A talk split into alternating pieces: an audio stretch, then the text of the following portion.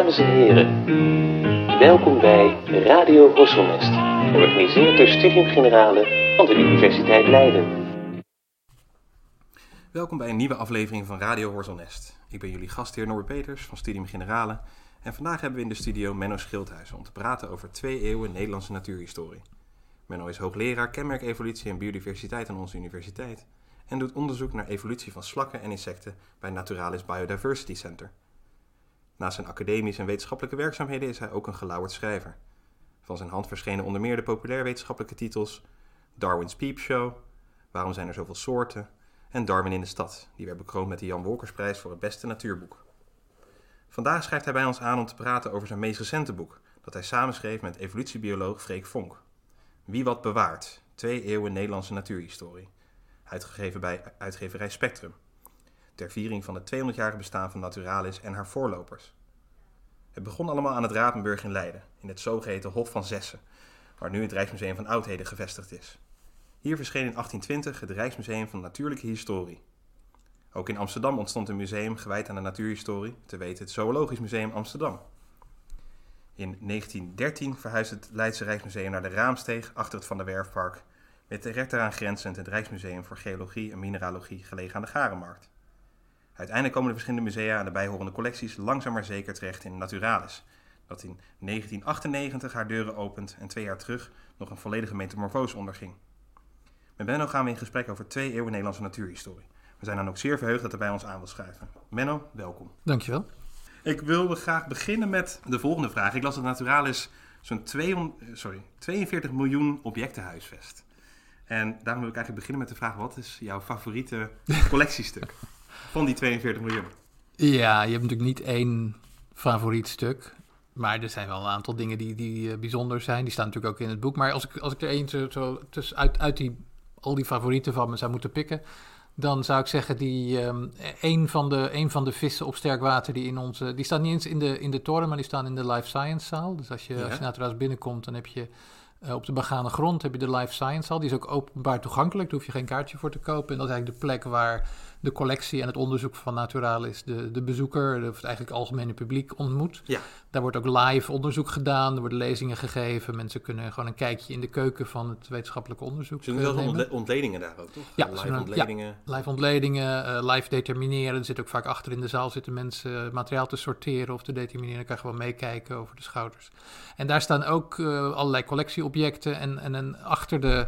Uh, het projectiescherm staat een rijtje, je kan er net niet bij, het staat net, net 2,5 meter hoog. Het is een rijtje van vissen op sterk water.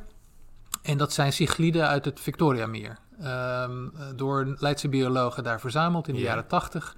Uh, in, in de tijd dat. Uh, en cycliden, dat is een bepaalde familie van visjes, kleine baarsachtige Ja, visjes. die vaak heel mooi ook uh, gekleurd zijn. Mooi gekleurd, zijn ook populaire aquariumvissen, zoetwatervissen. Uh, en het Victoriameer is echt een kraamkamer van, van het de evolutie van nieuwe cyclidesoorten. Er zitten honderden soorten in dat meer. Uh, en die zijn allemaal daar ter plekke ontstaan, waarschijnlijk in de laatste 20.000 jaar. Dus het is echt relatief snel, naar evolutionaire termen is het snel ontstaan, die Ja. hele diversiteit. Uh, en een groot deel van die diversiteit is nu verdwenen, want ze hebben daar die, die Victoria-baars, de Nijlbaars, geïntroduceerd. Ja, dat wordt natuurlijk Ehm, prachtig beschreven in het boek van, uh, Van Thijs Goldsmith, Ja. precies. En die beschrijft ook hoe, ja, hoe ze dus in de beginjaren, toen, toen die Nijlbaars nog niet zo'n nog niet zo, uh, zo'n populatie-explosie had laten zien, dat ze nog overal nieuwe soorten van die cycliden ontdekten. Want het, uh, ja, er zaten honderden soorten in het meer en elke, elke soort had zo zijn eigen, zijn eigen niche. Um, en het zijn er zoveel dat ze gewoon niet de tijd hebben gehad om die allemaal uh, officieel te beschrijven en van wetenschappelijke namen te voorzien. Dus er staat gewoon nog een hele collectie van cycliden uit het Victoriameer. Een deel daarvan waarschijnlijk uitgestorven inmiddels en opgegeten door de Nijlbaars. Die gewoon nog geen wetenschappelijke naam hebben. En ik vind het altijd het, ook vaak een van de vragen die je krijgt als je een lezing geeft in life science. Dan is dan het algemene publiek die vragen dan van ja, hoe, hoe, hoe ontdek je nou een nieuw dier? Ja, nou, dan ja, zeg ik, nou ja, hier, ze staan achter me. Dat is gewoon, onze toren staat vol met dieren die nog niet ontdekt zijn, die wel Ja. verzameld zijn. We hebben, we, in zekere zin zijn ze wel ontdekt, we hebben er exemplaren van. Ja. Maar niemand heeft nog de tijd genomen om, of de tijd gehad om er goed naar te kijken. En Dat noemt is, het volgens mij ook het best bewaarde geheim. ja, ja, Want iedereen wil natuurlijk graag op expeditie naar verre Ja. oorden, met, Ja. met, mooie, met mooie boten mee of met, eh, met een vliegtuig ver weg. Maar eigenlijk Eigenlijk hoeft dat niet. Kan je het Nee. beste gewoon die collectietoren Je in kan gewoon, je, je ja, vinden. ja, dus er staat zoveel ongedetermineerd en ongesorteerd materiaal. Het zit barstensvol met nog onontdekte soorten. Ehm, en er worden ook eh, de meeste nieuwe soorten die door naturalis onderzoekers worden gepubliceerd. Dat zijn geen dieren die ze een paar maanden daarvoor in, in de jungle hebben ontdekt. Mhm. Dat zijn beestjes die misschien al een eeuw lang in de collectie stonden.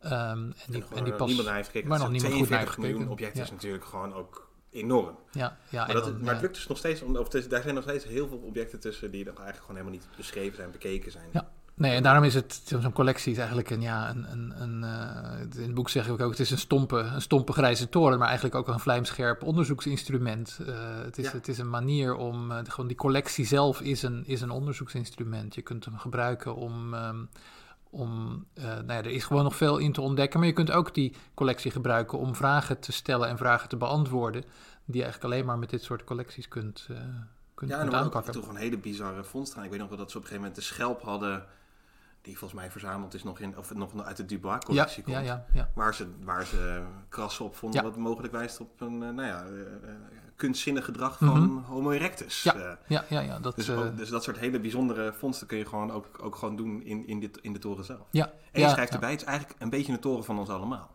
Ja, ja, het is niet, er wordt vaak gezegd, het is de collectie van Naturalis, maar het is, het is de Rijkscollectie van Natuurlijke Historie die door Naturalis beheerd wordt. Dus het is, het is niet eigendom van Naturalis, het is het eigendom van het Rijk en dus een beetje van ons allemaal. Ja. Ja, je kan niet met je paspoort heen en, en, en de cyclide weer mee naar huis nemen. Dat, dat, dan weer niet, dat dan weer niet, maar... eh, maar, het is wel eigenlijk van de het is Nederlandse belangrijk staat- om te beseffen, ja, wij, dus Naturalis beheert die collectie eh, voor, voor het land, voor het Rijk. En jij hebt ook zelf een bijdrage geleverd aan, aan, aan de collectie, toch? Dat, tenminste, dat heb je een keer eerder verteld. Mhm. Ja, waar, waar ja. bestond dat uit? Wat heb je, wat heb je toen eh, overgedragen aan de collectie? Eh, nou, een aantal dingen. Ik, heb, ik ben zelf eh, ja, als schooljongen al begonnen met het verzamelen van insecten. kevers met name. Ehm, dus ik denk vooral in, ja, tussen, mijn, tussen mijn veertiende en mijn... nou, tot geweest tussen 1980 en 1983. Tussen mijn veertiende en mijn achttiende ongeveer heb ik ja, een kleine 20.000 kevers eh, verzameld, ehm, gedetermineerd, opgeprikt. ehm, in, in vrije uurtjes. Ik, eh, elke keer als ik een tussenuur had, dan race ik naar huis. Dan had ik net 40 minuten om weer een kevertje de- te determineren. En dus ik was echt meer met die kevers bezig dan met mijn schoolwerk. Ik wilde ook niet Ehm. een nomen est omen grap maken, maar... Ja, nee, ja, Nee, nee, nee, waren het schildluizen geweest. Die, eh, ja. ja, ja, ja, ja. Ehm, en die heb ik op een gegeven moment, ja, die stond. eh, ik moet zeggen, tegenwoordig ben ik weer wat meer met kevers bezig. Maar er was een tijd dat ik eh, niet zoveel met, eh, met die collectie meer deed. Er stond bij mijn moeder thuis nog eh, te verstoffen. En af en toe werd er een beestje opgegeten door, de, door, de, door museumkevers of stofluizen. Toen dacht ik van nou, nu wordt het toch wel tijd om hem over te dragen aan, eh, aan Naturalis. Dus Ja, want die collectie, die kun je natuurlijk, daar wordt daar heel goed beheerd. Er zijn Ja. vrieskamers en ga Ja. zo maar door. Ja, omdat, wordt eh, ontsmet en het is eh, goed klimaatbeheer, goede klimaatbeheersing. Dus daar staat hij, daar staat hij veilig. En dan weet je ook dat hij, ehm, dat hij gebruikt wordt. Want ehm, Mhm. ja, het is, het is een, de collectie krijgt heel veel wetenschappelijke bezoekers die eh, nou, bijvoorbeeld geïnteresseerd zijn in een bepaalde familie van insecten. Ehm, en die kan dan al het, al het materiaal dat we hebben bij elkaar zetten. En, Ja. en zo'n zo'n expert kan daar dan onderzoek aan doen. En mijn, eh, mijn exemplaren zijn op die manier dus ook beschikbaar voor, voor elke willekeurige onderzoeker die Naturalis bezoekt om de collectie te raadplegen. Dat is natuurlijk ook gewoon het fijne. Ja. En dan zie je ook bij die life science zaal, om daar toch nog even bij stil te staan, dan, daar heb je die enorme wand ook met al die eh insectenladen Ja. met lieve heersbeestjes. Ja. En, en die, die vraag die, die, die stel je ook zelf in het boek, of althans die krijg je regelmatig Mhm. krijg je die voor je kiezen. Van, waarom in godsnaam zo ontzettend veel Ja. lieve heersbeestjes samen? Je zou denken, één zo'n insectenladen, hebben we toch, hebben we toch genoeg? Ja. hè? Dan hebben we die gehad, dan Ja. kunnen we naar de rest eh, op zoek gaan. Waarom zoveel? Ja, dat is, een- nee, dat is een goede vraag. Het is ook, eh, men ziet, een deel van die vraag komt waarschijnlijk doordat men vaak een insectenverzameling ziet als een, als een eh, ja, het, hetzelfde verschijnsel als een, als een postzegelverzameling of een muntenverzameling. Ehm, waarbij je natuurlijk, ja, als je bij je gauw dubbele exemplaren hebt, eh, je, Voetbalplaatjes tegenwoordig. voetbalplaatjes. Je wil zoveel mogelijk verschillende hebben. En in- bij een biologische verzameling is dat in zekere zin ook wel zo. We willen natuurlijk ook zoveel mogelijk verschillende hebben. Het zou niet goed zijn als Naturalis helemaal vol stond met uitsluitend zevenstippige lieveheersbeestjes. Nee. Maar dus je wil zoveel mogelijk verschillende soorten, want het gaat om de biodiversiteit tenslotte. Maar tegelijkertijd zijn we ook... ehm, een die, die, zoals ik zei, die, die, die verzameling is een onderzoeksinstrument. Het is een manier om geheimen van de natuur te ontsluieren. En in die zin is het dus heel anders dan een postzegelverzameling. Want als je, ja, als je wil weten hoe een postzegel ontstaan is, dan, dan vraag je het gewoon aan het postkantoor. Maar als je wil weten hoe een diersoort ontstaan is, ja, er is niemand die het kunt vragen. Je moet, je moet onderzoek doen, je moet, je moet eh, gegevens verzamelen en daar een, een, een, een scenario uit distilleren. En de exemplaren die, die, die je verzamelt, die zijn onderdeel van de, van de gegevens die je gebruikt. En um, wat je bijvoorbeeld van een diersoort wilt weten, is niet alleen maar hoe die eruit ziet, maar ook hoe de variatiebreedte is. Zijn alle beesten hetzelfde? Of zie je dat er bepaalde verschillen zijn? Zijn die verschillen, zitten die door elkaar heen? Of heb je bepaalde delen van de wereld waar de ene vorm voorkomt en dat gaat dan geleidelijk over in een andere vorm in een ander deel van de wereld? Dus er zitten allerlei biologische patronen in die je alleen maar kunt zien als je meerdere exemplaren van één soort hebt. Want als je natuurlijk ook goed gaat kijken, geen een van die lieveheersbeesten is, is exact hetzelfde. Ex precies, ja. Dat is, uh, er zit, zit individuele variatie zit erin en die moet, je, die moet je goed in het oog hebben voordat je kunt... Al, al, al gaat, gaat het alleen maar om het afgrenzen van diersoorten, wat natuurlijk een, ja, een vrij bazaal proces is in de biologie. Um, daarvoor moet je die variatiebreedte kennen. Want als je, ja, als je drie lieveheersbeestjes hebt, die, die zien er allemaal verschillend uit. En je moet dus op de een of andere manier besluiten van ja, ze zien er verschillend uit, maar toch behoren ze allemaal tot dezelfde soort. Als je, dat, ja, als je niet weet hoe je, dat, hoe je die beslissing moet maken, uh, dan, dan kan je de, de verkeerde beslissing nemen. Um, dus daarvoor is het ook nodig om binnen alle lieveheersbeestjes te weten hoe groot die variatie over het algemeen moet zijn en welke kenmerken wel en niet belangrijk zijn om soorten te definiëren en dat is een van de redenen waarom je, waarom je zoveel, uh, zoveel exemplaren nodig hebt. Die, die, die is een beetje nog een apart verhaal, want daar hebben we er echt wel heel veel van. Ja. Um, echt duizenden exemplaren per soort. En dat komt doordat het, uh, die, die, staat ook in Life Science, zoals je zegt, uh, tentoongesteld. Dat is de collectie van Oscar Vogt. En dat was een hersenonderzoeker die via een hele vreemde gedachtekronkel vond dat je entomologisch onderzoek moest doen om, om de menselijke psychologie te begrijpen. Oh ja, ja want, want, ja, ja, ja, want hij, hij zei, hij en zijn vrouw uh, hadden een, een, een hersenonder, uh, herseninstituut. Um, en ze gingen ervan uit dat de variatie. Op zich was het, was het echt een revolutie in de, in de psychiatrie en in de psychologie. Uh, er was in, in, in, die tijd, en hebben we het volgens mij over ja, de eerste decennia van de 20e eeuw. Werd er vaak gezegd van ja, je hebt normale hersenen en je hebt afwijkende hersenen. Ja. Um, en zij dachten van, nou ja, als, als de hersenstructuur gewoon een biologisch kenmerk is, net zoals het stippenpatroon van lieveheersbeestjes, ja, ja. dan bij het stippenpatroon van lieveheersbeestjes heb je ook niet een normaal patroon en een afwijkend patroon. Je hebt gewoon een geleidelijke variatie van het ene uiterste naar het andere. En dat zou je, als, er is geen enkele reden om aan te nemen dat het bij hersenen anders zou zijn. Dus kan je, je kunt beter hersenen zien als een, een menselijk kenmerk dat enorm kan variëren. Net zoals dat stippenpatroon van lieveheersbeestjes. En als je op die manier naar de menselijke psyche kijkt, ja, dan, dan komt dat de, de genezing van, van ziekte waarschijnlijk ten goede. En zeker de, de ja. Um, het, um, Want je zou natuurlijk zo'nzelfde muur kunnen hebben met uh, hersens op sterk water. Ja. En ook die zullen ja. ontzettend veel verschillen uh, vertonen en overeenkomsten vertonen. Ja. En ook daar is dan natuurlijk niet helemaal duidelijk ja, waar moet je op letten. Ja, Wat is dat, belangrijk? Precies, en dat deden zij dus ook. Dus ze hadden nou, een collectie, een collectie hersenkoeps, maar ook een collectie insecten. Ze hadden zelfs tien entomologen in dienst die, uh, in, van het herseninstituut die niks anders deden dan insecten verzamelen en de variatie in kaart brengen.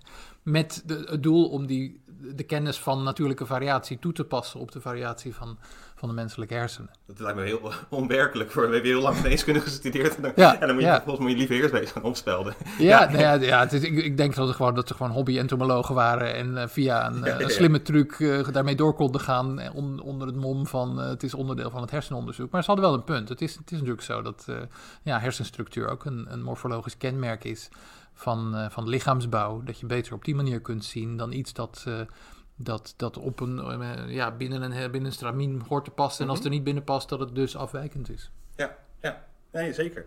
En nou heb ik dat ook van, van, van, van jou geleerd, wist ik ook helemaal niet. Maar inderdaad, als je nou zo'n kevertje, als je daarvan wil weten dat het een, of het om een nieuwe soort gaat, mm -hmm. dan is het niet alleen dat, we, dat je let op, uh, nou ja, overduidelijke kenmerken inderdaad. Bijvoorbeeld inderdaad iets als, uh, nou ja, morfologische structuren, uh, de anatomie van zo'n beestje. Maar dat je dus ook heel erg vaak kijkt naar het geslachtsdeel. Ja. Van ja. de kever. Ja. En, en. Waarom, waarom, is dat zo, waarom is dat zo springend? Waarom is dat zo saillant detail? Ja, um, geslachtsorganen um, bij dieren zijn de organen die het snelst evolueren. Ehm, als je, als je een, uh, een willekeurig uh, tien zoogdieren naast elkaar zou zetten, je zou ze allemaal ontleden en de, en de nier bekijken, dan hebben ze allemaal een beetje een niervormige nier. Uh, die kun je niet, je kunt de nier van een, behalve het formaat, kun je de nier van een koe en de nier van een, van een varken en de nier van een mens nauwelijks van elkaar onderscheiden. Maar als je naar de geslachtsorganen kijkt, dan zijn ze allemaal enorm verschillend. Mhm. Uh, ook bij zoogdieren. Sommige zoogdieren hebben een asymmetrische penis, andere hebben er een, een soort zweepstaart aan zitten. Uh, sommige hebben stekeltjes, groot, klein, lang, din, kurkentrekker. Kurkentrekkervorm bij varkens, precies. En aan de, aan de vrouwelijke kant ook. is wat moeilijker te onderzoeken natuurlijk. Dat is allemaal van binnen, maar ook van binnen zitten er allerlei variaties.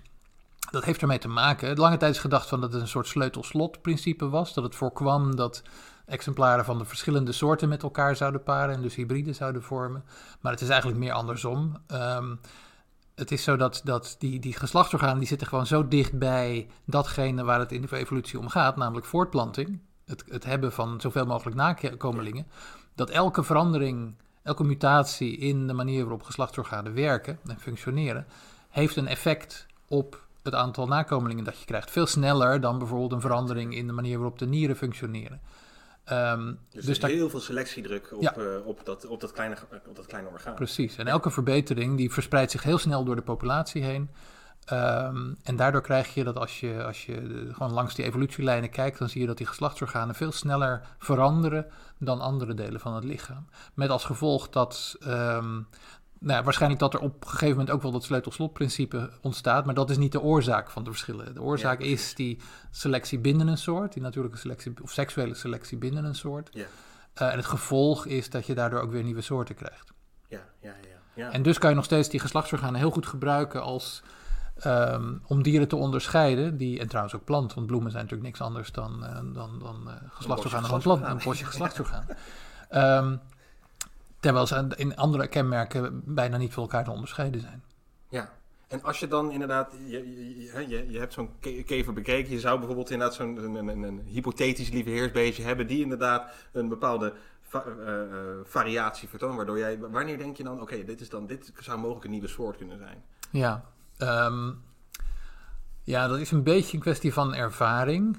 Um, je kunt er natuurlijk altijd testen met, met, tegenwoordig met DNA. Ja. Um, als, je, als je ziet dat, dat er bepaalde DNA-sequenties, bepaalde volgorde van de DNA-letters, mm -hmm. um, altijd geassocieerd zijn met uh, een, een bepaald geslachtsorgaan. Uh, ook al is dat verschilletje maar, maar heel klein, dan, ja, dan is het duidelijk dat het twee verschillende soorten zijn. Um, ja, want je zei dat er net 2, 2 3 procent in, die, in, die, in, in zo'n codering, uh, als dat afwijkt, dan kan je gaan nadenken over van, uh, we hebben hier mogelijk te maken met een nieuwe soort. Ja, de dat is geen enkele reden waarom dat 3% zou moeten zijn, maar de ervaring leert dat, dat um, en dan hebben, hebben we het over één specifiek stukje DNA dat vaak gebruikt wordt als, ja. als handige manier om op genetisch niveau soorten van elkaar te onderscheiden. Het zogenaamde DNA-barcode uh, regio.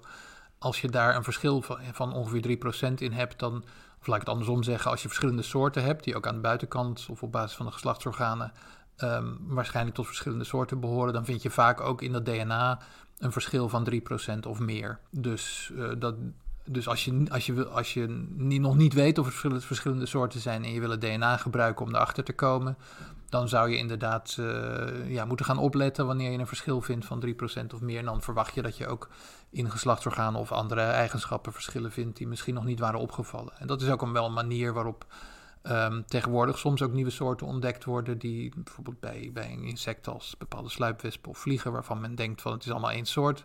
Maar dan ga je DNA-sequencen uh, dus aflezen en dan kom je erachter dat er eigenlijk drie groepjes in zitten die onderling allemaal 3% of meer van elkaar verschillen. En dan, nou, dan is het zaak om eens beter te gaan kijken naar die beestjes of je niet Ja. toch drie, vers- drie verschillende groepjes kunt herkennen, ook in de manier waarop ze gebouwd zijn. Ja, en, en als je dan uiteindelijk de, de, de- min of meer, nou, je hebt, je hebt de DNA bekeken, je hebt, je hebt, je hebt hem onder de microscoop bekeken, je hebt de, eh, de, de, nou ja, de, de, de penis losgemaakt en die Mhm. eh, geprepareerd. Ja. Eh, en waar- hoe komt het dan tot een nieuwe soort? Want dan, want dan zou je inderdaad denken van oké, jij hebt dan inderdaad eh, de hunch dat, dat, er, dat je te maken hebt met een nieuwe soort. En dan hoe kom je dan uiteindelijk ook tot, tot dat, dat het geaccepteerd wordt door de wetenschap als nieuwe soort?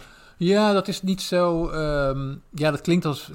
Het klinkt vaak alsof het iets heel. ehm, iets is waar heel veel mensen over moeten gaan en een commissie zich over moet buigen of zo. Zoals je dat ook hebt met ja, als er nieuwe, nieuwe elementen worden ontdekt of, of nieuwe, nieuwe, nieuwe manen van, van, van, van planeten.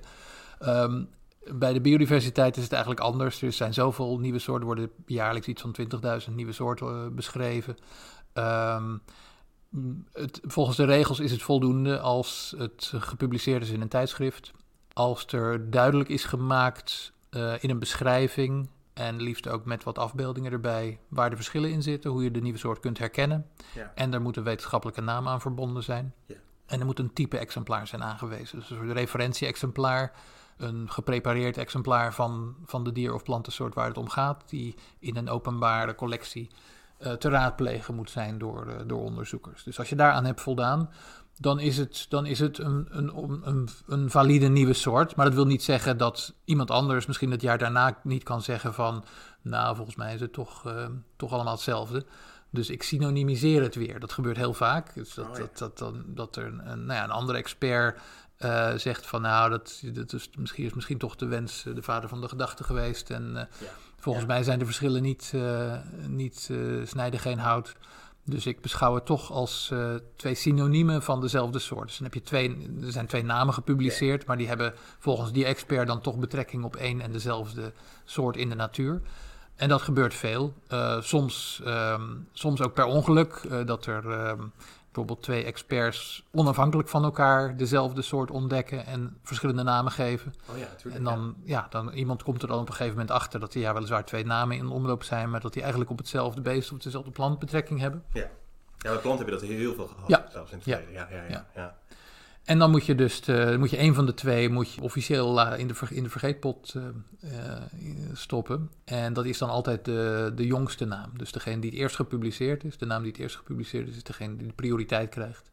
En de naam die later is gepubliceerd, dat is de, ook al is dat de naam die misschien meer gebruikt wordt op dat moment, of die beroemder is, dat is dan toch de naam die, die het onderspit moet delven.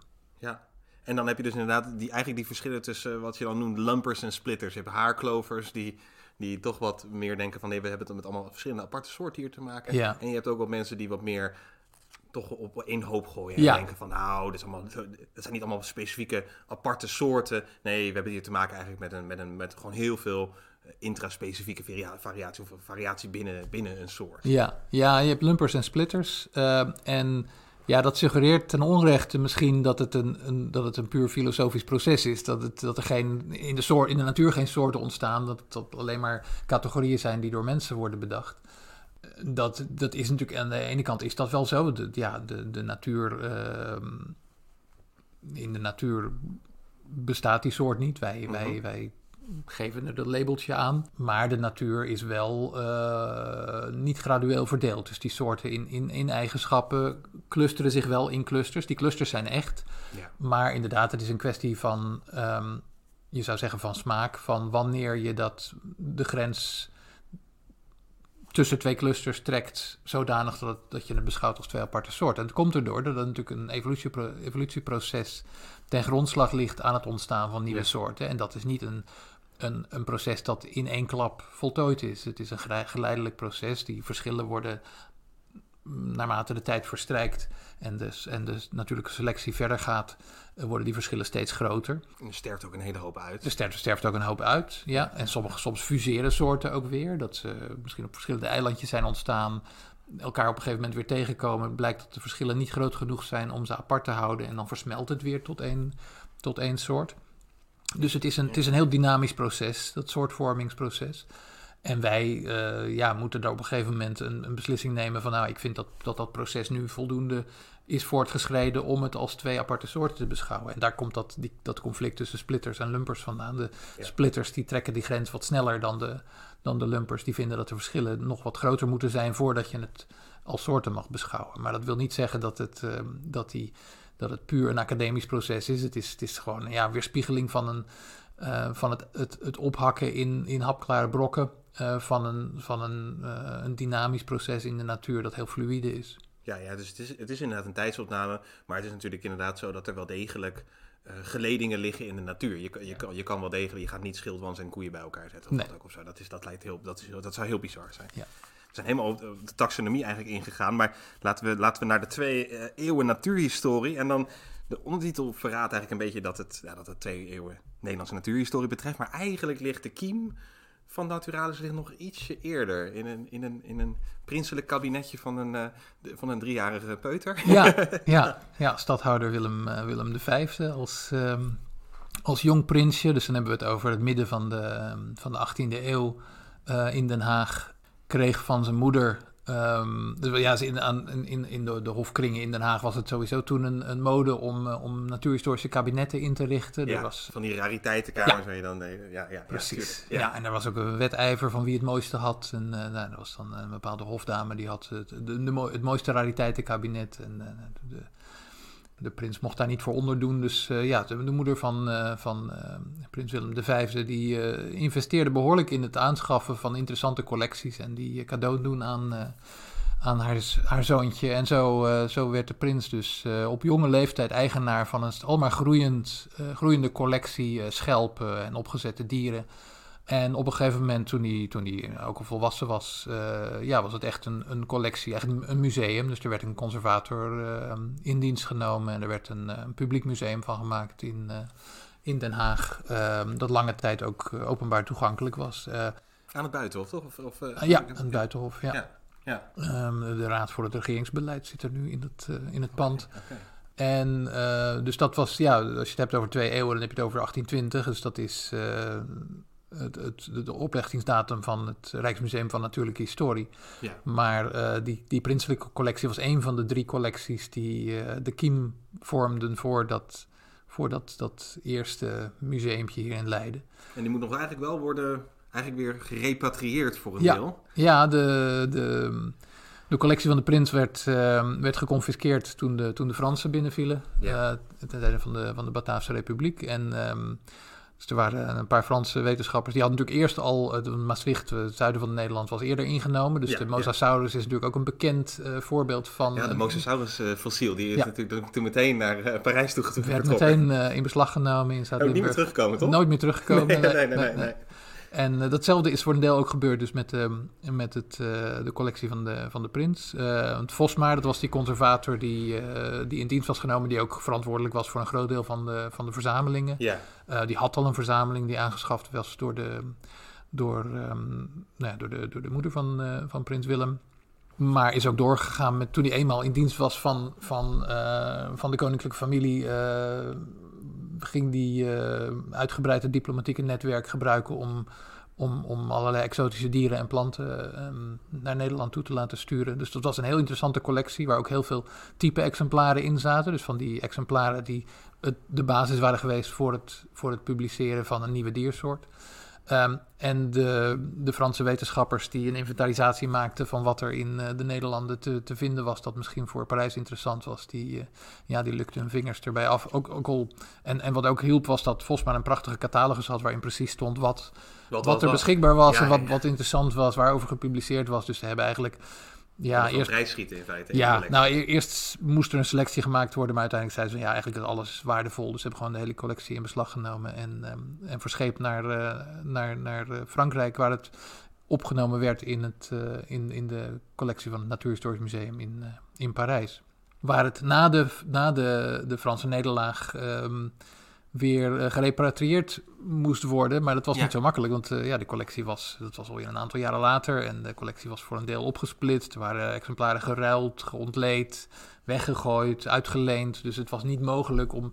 En dat is natuurlijk ook bij ons in Naturalis is dat normaal als je een, een collectie binnenkrijgt. Nou, meestal niet door diefstal, maar ook als het een legaat is, dan Ja. blijft die niet eh, intact. Je, je, hij wordt eh, opgenomen in de, in de hoofdcollectie. Mhm. Eh, het, zou, het zou heel onhandig zijn als je, want we hebben honderden legaten, dat je honderden aparte collecties hebt. En als je tuurlijk. bijvoorbeeld een lieveheersbeestje zoekt, dat je dan honderden collecties af moet. Dus ja, dat wordt allemaal gefuseerd en dat hebben ze in Parijs toen dus ook gedaan. Maar dat maakte het wel moeilijk voor eh, professor Brugman, de, de Leidse professor. Ja, die, ja, die, de- komt, die, die heeft eigenlijk de, de, de, de, eervolle taak gekregen om in Parijs eh, toch eens even te gaan zoeken naar wat, wat er nog over was gebleven van die collectie. Ja. Om dat weer terug naar eh, Nederland toe te brengen. Ja. Ja, Sebald Justinus inderdaad. Precies, ja. Ehm, en daar komt hij ook in Parijs, terwijl hij dat volgens mij aan het inventariseren is, als ik dat goed gelezen, komt hij ook Koenraad Jacob Temming tegen. Ja, Ja. Die is daar ook aanwezig. Ja, Zou je wat meer kunnen vertellen over, over wie, wie was die Temmink? Temmink was een, ehm, een telg van, van een, een, een, Nederlandse eh, patriciërsfamilie. ehm, vermogend en, en invloedrijk. eh, en een hartstochtelijk verzamelaar van vogels. Hij had een prachtige collectie vogels. Ehm, en eh, nou ja, toen, de, toen de Fransen verdreven werden, het was het ook een beetje een, een gelegenheidsmilitair. Dus je had allerlei kleine legertjes die door invloedrijke mensen werden opgericht om nog eventjes eh, Napoleon een schop na te geven. Ja, ja. Eh, en zo kwam, kwam Temmink ook aan het hoofd van zijn eigen kleine legertje in Parijs terecht. En was daar getuige inderdaad van, van een afstandje waarschijnlijk, van die overdracht van, ehm, van het geroofde goed aan, aan Brugmans en aan Brugman. En Temmink ehm, die, eh, die dacht dat, dat hij met een kluitje in het riet gestuurd wordt, werd. Want eh, ja, de onderzoekers of de conservatoren in Parijs zeiden van ja, we hebben het eigenlijk kunnen niet meer terugvinden.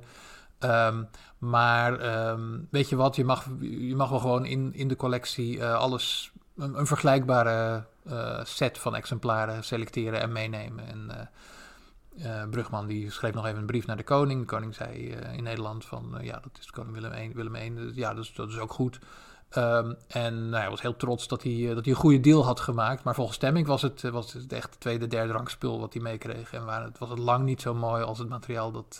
Allemaal Vosma- verpieterde ba- vogelbalgjes en Ja, zo maar door. Zo ja. kreeg hij dan mee. Ja, ja, ja. En nou ja, de waarheid zal wel ergens in het midden hebben gelegen. Maar Temmink had, het is wel, was wel een belangrijke persoon want, voor het verhaal. Want ehm, zijn collectie was, was de tweede van de drie collecties waar uiteindelijk de kiem, kiem van, van het Rijksmuseum van Natuurlijke Historie eh, uit heeft bestaan. Dus je had ehm, de collectie van de stadhouder, die dus nou ja, deels vervangen werd door ehm, materiaal uit Parijs. Ehm, en dat was de e- eerste collectie. De tweede was, was de collectie van, van, van Temmink. En de derde was de onderwijscollectie van de Leidse Universiteit. Dat was ook de reden dat, de, dat Leiden de plek was, was waar, het, eh, waar het museum gevestigd zou worden. ja, want we zitten er nu min of meer schuin tegenover. Ja, Ehm, eh, want het, het Hof van Zessen, daar Ja. gaan ze uiteindelijk, eh, althans, die, als ik het goed heb begrepen, die Temmink gaat eh, bij Willem I, eigenlijk komt hij met een verzoek om zo'n Rijksmuseum, eh, Rijksmuseum te stichten. Heb ik dat goed gelezen? Of- ja, ja Temmink eh, liep al lang met het idee rond van... eh, we, we zouden in Nederland ook echt een groot nationaal natuurhistorisch museum moeten hebben... zoals ze dat al in Lon- Londen en Parijs al lange, Tuurlijk, lange tijd ja. hadden. Ehm, en dus hij lobbyde al, al lange tijd bij, bij de koning van, van laten we, laten we zo'n museum oprichten en, en, en laten we mij dan directeur maken. Dat Ja, was, ja, dat was, dat was natuurlijk zijn, ehm, zijn verborgen agenda, of niet eens zo erg verborgen, dat zei hij eh, er gewoon expliciet erbij.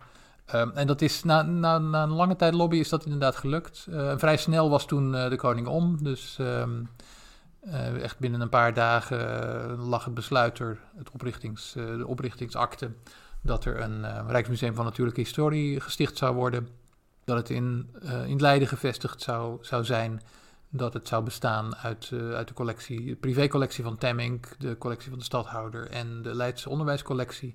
En dat Temmink eh, eigenlijk in ruil voor het doneren van zijn bijzonder mooie vogelcollectie eh, directeur zou worden en daar ook een, een jaarsalaris voor zou, voor zou krijgen. Dus Temmink was meteen toen ook de eerste directeur van het, van het Rijksmuseum van Natuurlijke Historie en is dat lange tijd gebleven, tot, tot ver in de 19e eeuw.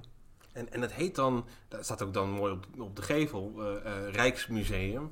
Maar je schrijft ook gelijk eigenlijk dat dat een beetje een, eh, een misnomer is. Het is, eh, het is namelijk niet helemaal een museum zoals we vandaag de dag een museum voorstellen. Ja, nee. Nou, in die tijd wel, in die zin dat het... ehm, nou ja, het was, het was natuurlijk... De collectie was toen nog niet groot in eerste instantie. Dus kon- ze konden ook... De, de hele collectie was ook tentoongesteld. Stond in, in Oh, stond vitrines ja. Eh, ja. opgesteld op een aantal eh, verdiepingen in het gebouw. In het, in het behoorlijk bouwvallige gebouw.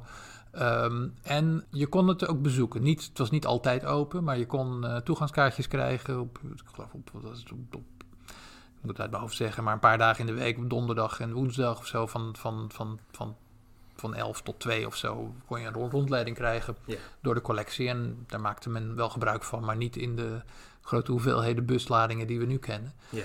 Ehm, dus het was in zekere zin wel een openbaar museum. Maar dat veranderde op het moment dat ehm, het museum verhuisde van het Rapenburg naar de Ramensteeg. Dus dat Ja. was aan het eind van de 19e eeuw. Toen was echt in de 19e eeuw de collectie enorm gegroeid. Door aankopen, door, door verzamelbeleid, door expedities. Ehm, waarschijnlijk waren er toen al een paar miljoen eh, exemplaren. En het gebouw voldeed niet meer, was, was te klein, maar het was ook, dus het gebouw op Drapenburg, het was ook, eh, ja, het, er was, zat, zat, zat rot, eh, houtrot in de, in de vloeren. Bezoekers durfden niet meer over de vloeren te lopen, omdat ze her en der door de, de, de, eiken, de verrotte eikenbalken Ja, ja. zakten.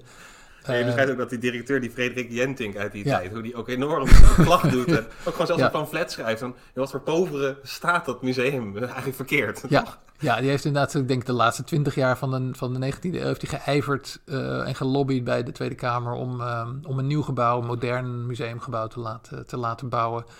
En eh, ja, in elk, in elk jaarverslag eh, beklaagt hij zich over de toestand van het gebouw en zegt van ja, aangezien er eh, niks is gedaan, is de situatie alleen maar droeviger dan het eh, vorige jaar, zoals in het jaarverslag van vorig jaar hebt kunnen lezen. Ehm, en hij inderdaad, ik schreef ook een, een pamflet dat hij aan alle leden van de Tweede Kamer toestuurde. Hij liet dat op eigen, op eigen kosten drukken bij Bril. eh, in, dus uitgever hier Bril in Ja. Leiden. En, en uiteindelijk heeft dat toch effect gehad. Uiteindelijk was, eh, ja, lukte het hem om, eh, om toestemming te krijgen om een nieuw, nieuw gebouw op de Raamsteeg eh, te laten bouwen. En dat is echt een, enorm, eh, een enorme stap geweest. Als je, het, Ja. ja, als je het gebouw nu ziet, het is nog steeds een heel indrukwekkend gebouw, heel groot. Er zitten nu allemaal kleine uitbatertjes en start-ups en zo Ja. in. Maar het is inderdaad, ja, het doet heel erg ook denken aan, aan het Natuurhistorisch Museum in, in- in Londen. Ja, ja het is een beetje een niet kleine... zo groot nee. als, maar eh, eh, het is wel echt een enorm, eh, enorm pand. Ja, het heeft dezelfde uitstraling. Het is een beetje een, een, een, een, kleine, een op kleinere schaal eh, op dezelfde manier opgebouwd. Mhm. Ook door, ehm, eigenlijk al door Schlegel, dus de tweede directeur, de opvolger van Temming, die had al ontwerpen getekend. Was een goed tekenaar, een goed ontwerper. Ehm, en, en in zekere zin is het daar nog, eh, is dat wel de basis geweest voor de manier waarop het eh, gebouwd is. Het is ook met, met prefab betonnen ehm, delen is het gemaakt die per, per boot vanuit Duitsland werden aangevoerd. Dus het was, Ja, ja, het was in feite een heel modern gebouw voor die tijd. Met magazijnen en maceratieruimtes. Maar dus dat maceratie, dat is het... Ja, dat is wel goed om even uit te leggen. Ja, wat is een maceratieruimte? Ja, dan meteen inderdaad bij dat het, dat het ook wel vaak een masturbatie Ja, is. de- Niet om vreemde ideeën te krijgen over biologen, maar wat is inderdaad een Een maceratieruimte? maceratieruimte, dat is ja, een, een beetje een eufemisme voor een, voor een, eh, een rottingsproces, macereren. Dus er werden natuurlijk veel grotere, grote kadavers werden binnengebracht. Ja, En ja, die kon je niet in zijn geheel eh, bewaren. Dus het, het wekendeel moest, eh, moest verwijderd worden. Dus dat werd er van afgesneden, maar er bleef nog heel veel aan die botten zitten. Ja. Vooral van walvissen en zo. Die, eh, ja, die moest je dan, eh, die botten moesten schoongemaakt worden. En het werd eigenlijk gedaan door ze in vaten water te leggen. En dan langzaam naar rotten dat vlees eraf, tot, er, tot de kale botten overbleven. En dat rottingsproces wordt macereren genoemd. ja, ja, ja, Ehm, ja. En dus ja, de, en dat eh, in de, de, de binnenplaats van het museum op de Raamsteeg, die stonk ook altijd naar, ja, naar die macererende Ja, walvissen die daar, Ja, eh, die ja, lagen. laten En- ontbinden in de kelder. ja. ontbinden. En eh, ze hebben ook ja, op de binnenplaats hebben ze ook eh, de, alle botten die ze niet meer nodig hadden, die werden ook daar ter plekke begraven. Dus die zitten nog steeds in de, in de, in de achtertuintjes van die start-ups die daar, eh, die daar nu zitten. Ja, ja, ja, dat zei je inderdaad ook. Dat als die ergens een keer een schep in de grond dat het best wel goed kan dat het op zo'n walvis eh, skelet stuiten. En dit is dus echt ook, dit wordt echt een, een wetenschappelijk instituut eigenlijk. eh, met, met alles erop en eraan. Waar dat andere toch nog heel erg veel lijkt op een beetje toch zo'n uitkluitig was uh, naturaliën-kabinet. Mhm. Wordt dit echt een, een onderzoeksinstituut. Ja, ja, voor die tijd heel modern onderzoeksinstituut met een bibliotheek en eh, internationale contacten, eh, laboratoria. En ook opeens niet meer toegankelijk voor het publiek. Dat was niet de bedoeling. Het was wel de bedoeling dat, het ook een, dat er ook een tentoonstelling zou zijn. Er is ook wel een tijdje is er een soort kleine ten, tijdelijke tentoonstelling geweest van de Nederlandse eh, natuur, of Nederlandse dieren. Maar de bedoeling was dat het van de Werfpark, uh, want ja, de, de, het kon daar gebouwd worden vanwege de, de ontploffing van het kruidschip op die plek. Oh, die in het, ja, ja. uh, Ja, in, het begin niet van een de grote krater meer, maar dat was wel gewoon kaal. Ja, het was helemaal kaal. De ruïne werd het genoemd. En daar, uh, dus daar, daar was, werd toen het Van der Werfpark uh, aangelegd. En aan de rand van het Van der Werfpark dat nieuwe museum. Maar de bedoeling was dat in het Van der Werfpark er ook nog een heel tentoonstellingsgebouw zou komen. Oh, Maar ja, de Tweede Wereld of de Eerste Wereldoorlog brak uit. Het geld raakte op en het is er gewoon nooit van gekomen. Dus eigenlijk de hele 20e eeuw was het Rijksmuseum van Natuurlijke Historie geen museum in de zin dat, er, dat je er uh, een bezoek aan kon brengen. Uh, dus er stonden regelmatig wel gezinnen op de stoep die het woord museum op de gevel zagen staan. en hoopten. En hoopten dat ze naar binnen konden. En af en toe werden ze ook wel uh, naar binnen gelaten door, de, door een conservator die ze dan eventjes de, de depot liet zien. Maar er was geen tentoonstelling. Um, dus eigenlijk de hele 20e eeuw is er geen nationale natuurhistorische collectie of tentoonstelling geweest in Nederland. Terwijl nog steeds Parijs en, en, en Brussel en Londen en Berlijn dat wel hadden. Ja, precies. En, en jij hebt ook zelf gewerkt, toch? Nog aan de raamstegen? Ja, ja. ja als, als, uh, als student en promovendus heb ik er gezeten. Ja. Zou je, het is natuurlijk een beetje audiotour-achtig, maar zou je een beetje kunnen, kunnen schetsen van, oké, je komt dan dat, uh, dat portaal aan, dus mij raamsteeg, raamsteeg 2 of 3? Of, raamsteeg 2, ja. ja. En, en wat, wat, wat is ongeveer de, de, indruk die je dan vervolgens hebt als je daar naar binnen toe wandelt? Wat, wat, wat, waar zou je, als je wel een bezoeker was geweest in die tijd, wat zou het oog meteen trekken? het oog, wat het oog meteen trekt, of trok, waren de twee olifantskeletten die rechts, als je binnenstond in de hal, binnenkwam in de hal, uh, rechts uh, opgesteld stonden met mooie oude etiketten erbij. Dus een, uh, ik denk dat het allebei Indische olifanten waren. Indische en Afrikaanse. Of een Indische ja, en een Afrikaanse. Ja, ja, ja, ja oké. Okay, ja, Indische en Afrikaanse, ja, ja, ja. ja. En daar tegenover de, de receptionist. Uh, en daarachter de, de gang die, naar, die rechts en links naar de laboratoria, naar de kamers van de conservatoren leidde. Maar, en voor je zag je een mooi trappenhuis met een, met een, uh, een vrijhangende uh, zwart granieten trap. Um, die nog model heeft gestaan voor, die, voor een aantal van die beroemde grappen, trappengrafieken van, van Escher. Oh, ja, ja, ja, want Eschers broer was, was directeur van het Geologisch Museum, dat ernaast zat in die tijd. Um, dus hij kende het gebouw waarschijnlijk goed. En als je inderdaad die, die, ja, die beroemde tekengravures van, um, of, of ja, die grafiek van van die, van die, van die, die ja, die onmogelijke trappen ziet van Escher, dan herken je dat trappenhuis dat uh, in de raamsteeg te zien is. Uh, en als je het trappenhuis opgaat, dan, um, volgens mij als je twee verdiepingen opgaat, dan kom je bij het gewijzaaltje. Dat is het enige collegezaaltje. En daar hadden we ook wel als student nog in mijn tijd ook nog wel college uh, van diersystematiek. dat heet het gewijzaaltje, omdat er een hele collectie van, van geweien aan de muren hing.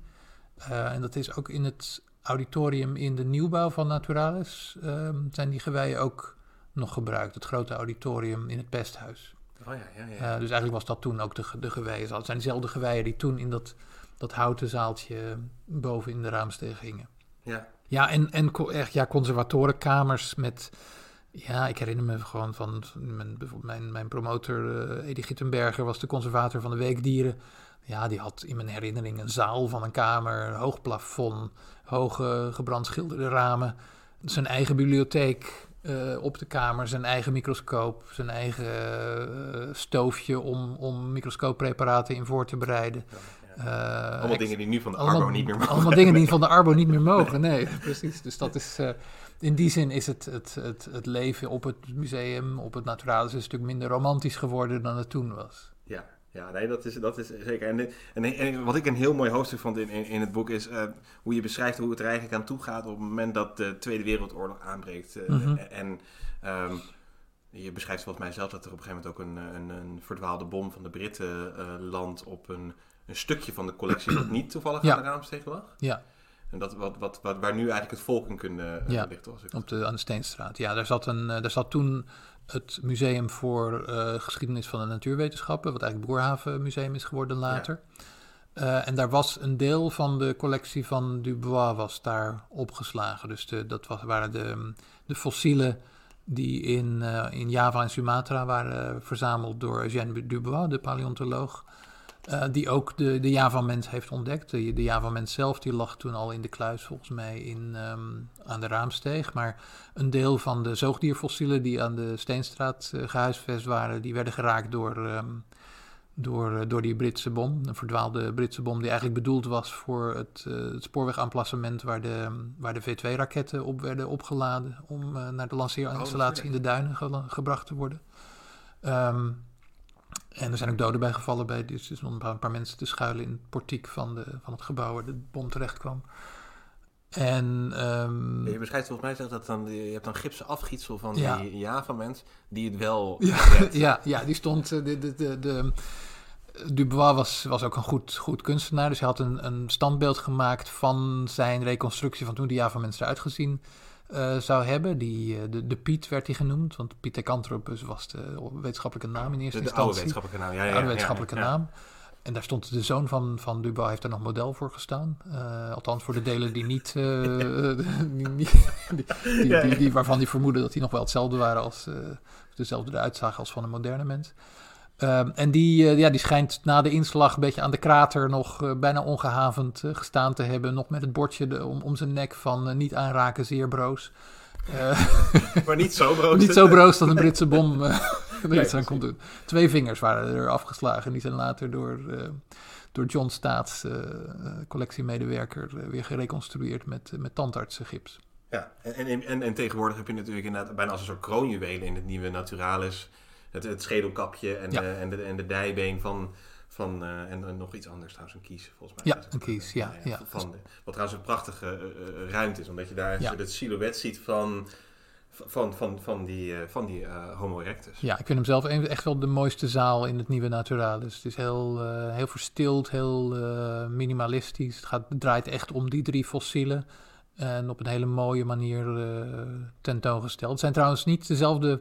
Die, dat dijbeen is een ander dijbeen dan eh, het dijbeen dat, eh, dat Dubois publiceerde. Eh, en ook het dijbeen dat, dat in de, de oude opstelling van Naturalis stond. In, de, in die bomvrije, nou niet bomvrije, maar kogelvrije kluis of vitrine op de begane grond.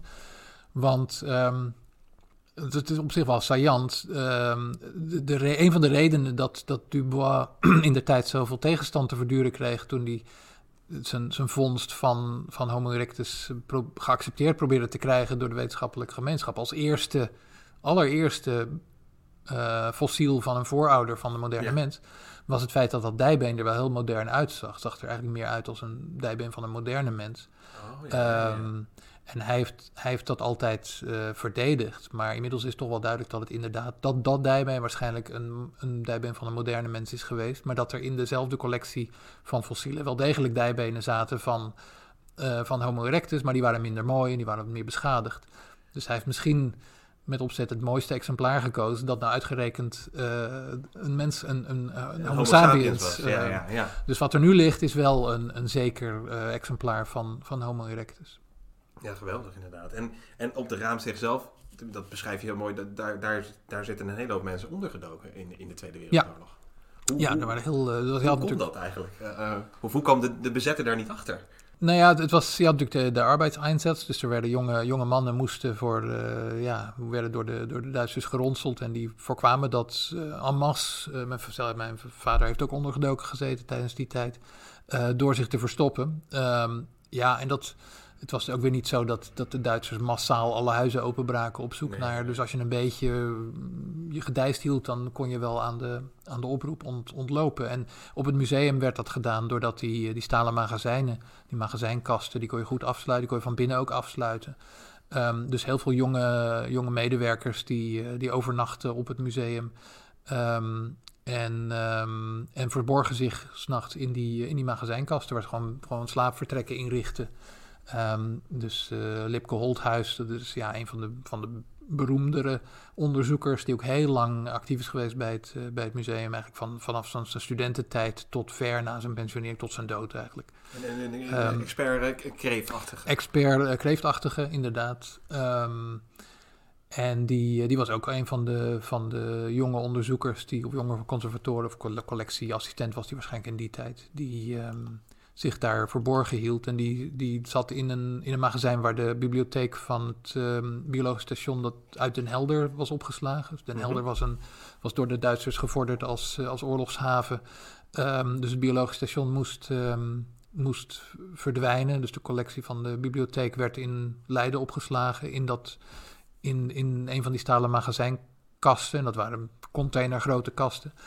Dus hij, uh, hij trok dan een aantal grote delen van, van een boekenserie opzij. En zo ontstaat een hol, ontstond een holte waar hij doorheen kon en zich daarachter kon vers, verschuilen. Dus als de Duitsers op een keer het museum um, s'nachts uh, doorzochten, dan, dan zat hij goed verstopt. en datzelfde gold voor, voor veel andere uh, jonge mannen die daar uh, ondergedoken zaten.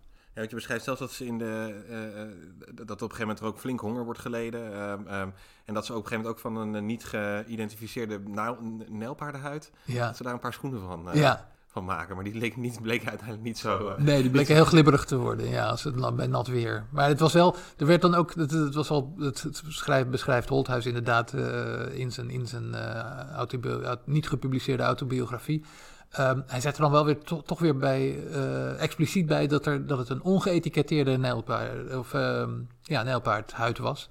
Want als die geëtiketteerd was geweest, ja, dan was het wetenschappelijk waardevol geweest. Want dan weet je waar die vandaan komt, wanneer, die verzameld is.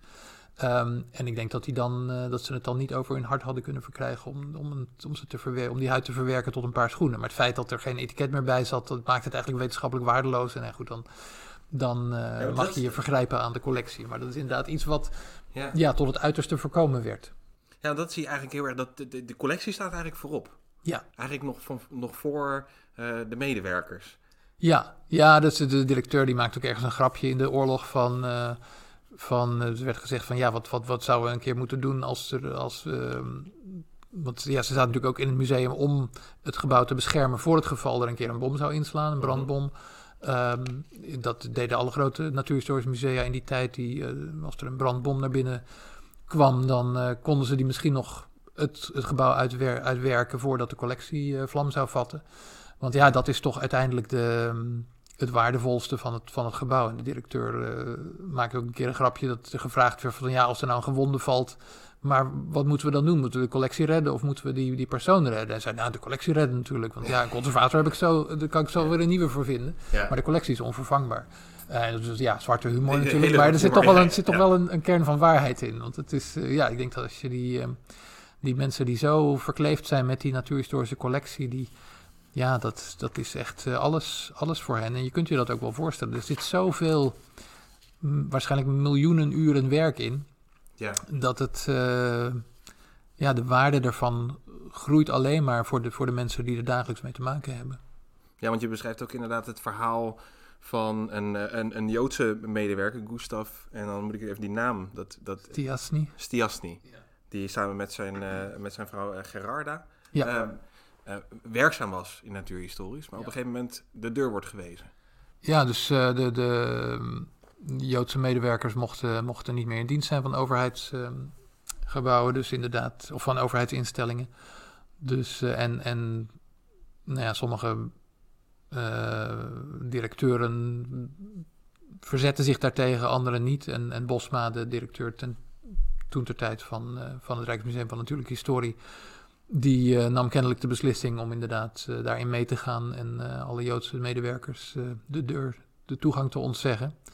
Maar hij zorgde er wel voor dat ze thuis konden doorwerken. Dus dat het, eh, dat het, dat het werk door kon gaan. Dus eh Stiasny die mocht zich bij de deur melden. kreeg dan wat exemplaren mee om daar thuis aan te werken. Ja. Maar het is... ja, het was, het was voor zijn productiviteit was een heel productief en heel levenslustig eh, onderzoeker. Ja, je beschrijft een heel leuk verhaal dat hij vroeger wel vanaf boven het trappenhuis... dat hij, dat hij, dat hij, dat Ja. hij dan met de schoonmaker mond kreeg. Ja, ja, hij was eh, soldaat geweest eh, in de Eerste Wereldoorlog in de Balkan. En eh, af en toe kwamen zijn, zijn, zijn oude soldatengewoontes nog naar boven. En dan spuugde hij op, het, op, die, op die mooie Eschertrap. En dan de huishoudster die, die gaf hem dan van katoen. En dan verontschuldigde hij zich in het, in het Duits bij haar. Van, en zei dan ook van, zeg het vooral niet aan de directeur dat het weer gebeurd is. ja. En zijn vrouw was ook eh, eh, bioloog. Ja, ja, zij werkte aan snoerwormen en hij, eh, hij meer aan, aan holte dieren. Dus zeeanemonen en, en kwallen. Ja. En, en we hebben eigenlijk, we hebben eigenlijk het hele Amsterdamse deel Ja. toe nog overgeslagen. Het is misschien wel goed om, om even terug te gaan naar dat. ehm, ehm, want op een gegeven moment bloeit er ook een natuurhistorische reiscollectie op in Amsterdam. Ja, dat was eigenlijk een gemeentelijke en een uni- universitaire collectie. Ehm, en ontstond een stuk later dan in Leiden, maar eh, toch in de, tegen, de, tegen het eind van de 19e eeuw ehm, zie je dat er rond, rond Artis en rond de universiteitsgebouwen dat er eh, ja, een collectie begint te ontstaan. En dat er ook ehm, wetenschappers en, en hoogleraren worden aangesteld met, met als doel die collectie te gebruiken en te bestuderen. En het is vooral een vlucht gaan nemen toen, eh, toen Max Weber eh, aangesteld werd. Een, eh, een, een, een, een jonge, ambitieuze Duitse erg in evolutie geïnteresseerde bioloog. Die echt het, het Zoologisch Museum Amsterdam vormgegeven heeft. Um, ook met een aantal grote expedities. het is allemaal wat later dan in Leiden. Dus je hebt het dan meer over de, ja, de, de, de eeuwwisseling tussen de 19e en 20e eeuw. Um, maar uiteindelijk is dat toch ook een museum geworden. Een, een, een, um, een, collectie die zich kon meten aan die in Leiden. En die nu dus ook gefuseerd zijn en samen onderdeel zijn van, het, van de collectie van Naturalis. Ja, en, en, die, en die Max Weber, dat was eigenlijk, eigenlijk was dat een, een, een powerkoppel. Dat was Max Weber en uiteindelijk dan Anna Weber. Ja. Uh, kan, kan je iets meer vertellen over hun, hun achtergrond? Wat voor, wat voor mensen waren ze? Je zei het al inderdaad, Max Weber, uh, evolutiebioloog, of in ieder geval zeer geïnteresseerd in evolutie uit, uit Duitsland. Ja. En Anna Weber? Of? Ja, zij was, uh, ze waren precies even oud. Ehm, Anna was um, op jonge leeftijd getrouwd geweest met een kunstschilder die ook vrij snel overleed. Dus ze was al heel jong was ze weduwe. En um, begon geïnteresseerd te raken in biologie. Dus als, gast, uh, als gaststudent uh, volgde ze colleges aan de Universiteit van Amsterdam, van Hugo de Vries onder andere. Uh, daar genoot ze erg van. Ze was echt een heel gedreven biologiestudent en legde zich toe op algen, studie van algen. Wat het um, nog heel vreemd was, want eigenlijk mocht je nog niet. Nee, nee ze was een van de eerste. Nee, ze moest ook. Er was nog een andere vrouwelijke student, geloof ik. Die werden ook apart gehouden tot, tot de hoogleraar aanwezig was bij het college. Want de gemengde, gemengde geslachten in de, in de collegezaal voordat er uh, hooggeleerd toezicht op was, dat was toen al uh, uit den boze. Dus uh, ze kreeg ook apart, apart practicum. Um, dus het was, het was nog een hele, ja, een hele gescheiden tijd. En ze was daarmee dus wel een van de eerste professionele biologen in Nederland. Um, en ze ontmoetten elkaar toen Max um, als, als assistent uh, werd aangesteld in, aan de Universiteit van Amsterdam. En um, ja, en, en nou ja, na een aantal jaren bloeide daar iets moois op. En uh, werden ze echt een, ja, een heel energiek en toonaangevend biologenkoppel. Dat was ja, echt samen die uh, enkele decennia van, van taxonomisch onderzoek in Amsterdam hebben vormgegeven. Ja, want hij heeft een verzameling van, van 50.000 algen. Ja. Een groot, groot herbarium, algenherbarium. En, en, bekroond uh, onderzoek uh, uh, gedaan. Maar wat is ook de algen in de, in, de, in de vacht van Luijaard. Oh, ja, ja, ja, ja, in de vacht van Luijaard. Dus hij heeft ook on, on, inderdaad ontdekt dat, dat die algen, dat, dat er in de, in de vacht van Luijaard de algen groeien en dat het ook speciale algen zijn. Um, en daar heeft ze een, een, een prijs voor gekregen voor dat onderzoek. Ja, en, en, en dit koppel dat, dat um, uh, trouwens veel in Amsterdam was, maar ook trouwens veel, dat beschrijf je ook in, in Huis te Eerbeek. Ja, ja, ze hadden een, uh, uh, van, van een erfenis van, van Anna's kant, konden ze een, een landgoed kopen in Eerbeek, Huis te Eerbeek. En dat was in eerste instantie een soort buitenhuis, maar je ziet dat, dat na verloop van tijd ze er steeds meer, ook al bleven ze wel in dienst, of hij bleef in dienst van de Universiteit van Amsterdam. Um, ze gingen zich steeds meer terugtrekken in dat, um, in dat, in dat land, in, in dat uh, ja, buitenhuis. Um, maar ze gingen niet in stilte leven. Ze zetten daar echt een soort dependance van de Universiteit van Amsterdam ja. en van het Zoologisch Museum op. Met een eigen laboratoria, of eigen laboratorium, een, een, een algologisch laboratorium en een zoologisch laboratorium. Ze hadden een, een, kleine menagerie van allerlei levende beesten die ze ja, op hun expedities hadden meege, meegebracht. Van een levende civetkat en een, een levende casuaris en, uh, en een, een gibbon, uh, Sampi. Die, uh, die de civetkat zo regelmatig aan zijn staart rondslingerde. ja. En ze hadden geen kinderen, maar dus des te meer levende beesten. En, en ze waren daar ook de kern van een, een, een, groep onderzoekers die steeds meer vanuit Amsterdam naar Eerbeek kwam. Om daar gezamenlijk onderzoek te doen en echte weekenden of, of, of zomers door te brengen. Over biologie te praten, gezamenlijk onderzoek te doen in het laboratorium dat ze daar hadden opgebouwd. Um, en ook voor een deel zich daar vestigden. Dus een aantal uh, onderzoekers en hoogleraren vanuit Amsterdam gingen ook uh, huisjes kopen in, in de buurt van Eerbeek, Eerbeek ja. of in Eerbeek. Dus er kwam echt een kolonie van, van Amsterdamse biologen. Um, en daar, dat wordt nog steeds in ere gehouden. Als je Eerbeek bezoekt, dan ja, je ziet dat er een park en een, en, een, en een straat is naar ze genoemd. Het gebouw is er ook nog steeds. Het is nu, het is nu een hotel.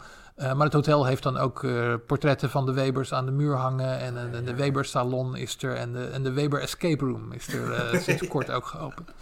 Moet je dus, een missing link vinden en dan mag je eruit.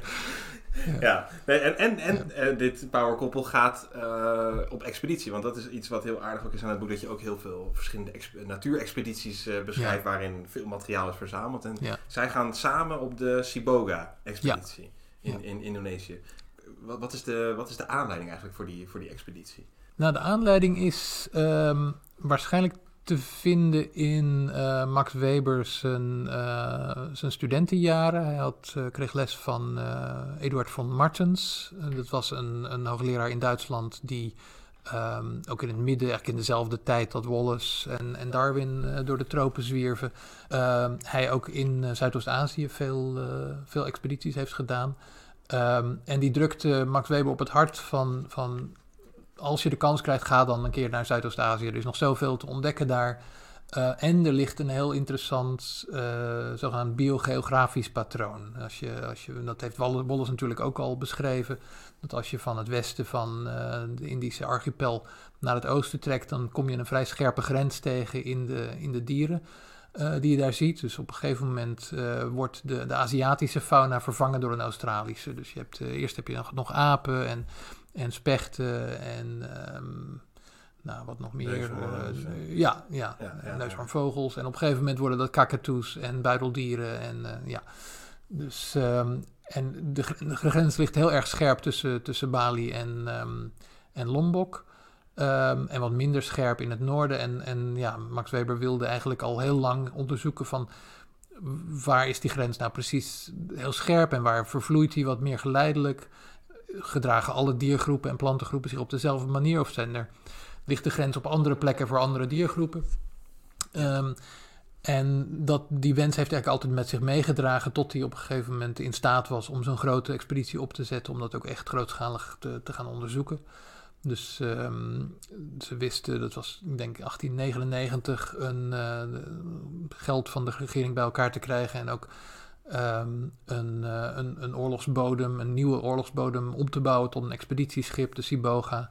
Dat is echt een, het is Ehm, echt een stoomboot, niet een, eh, ja. een houten vergat of zo. Nee, nee, het is echt een groot... een eh, schoener of ja. zo waarmee je dan... eh, ja, ja, Ja, want, want, want eh, eerst ging Weber nog wel op andere expedities naar het noorden toe. Dan ging hij naar het Arktisch gebied. En dat was inderdaad met een heel klein bootje waar hij de, de enige onderzoeker was. En waar hij zijn, zijn, zijn, zijn ontleed en, en conserveerwerk aan dek moest doen bij, bij, bij 5 graden onder nul.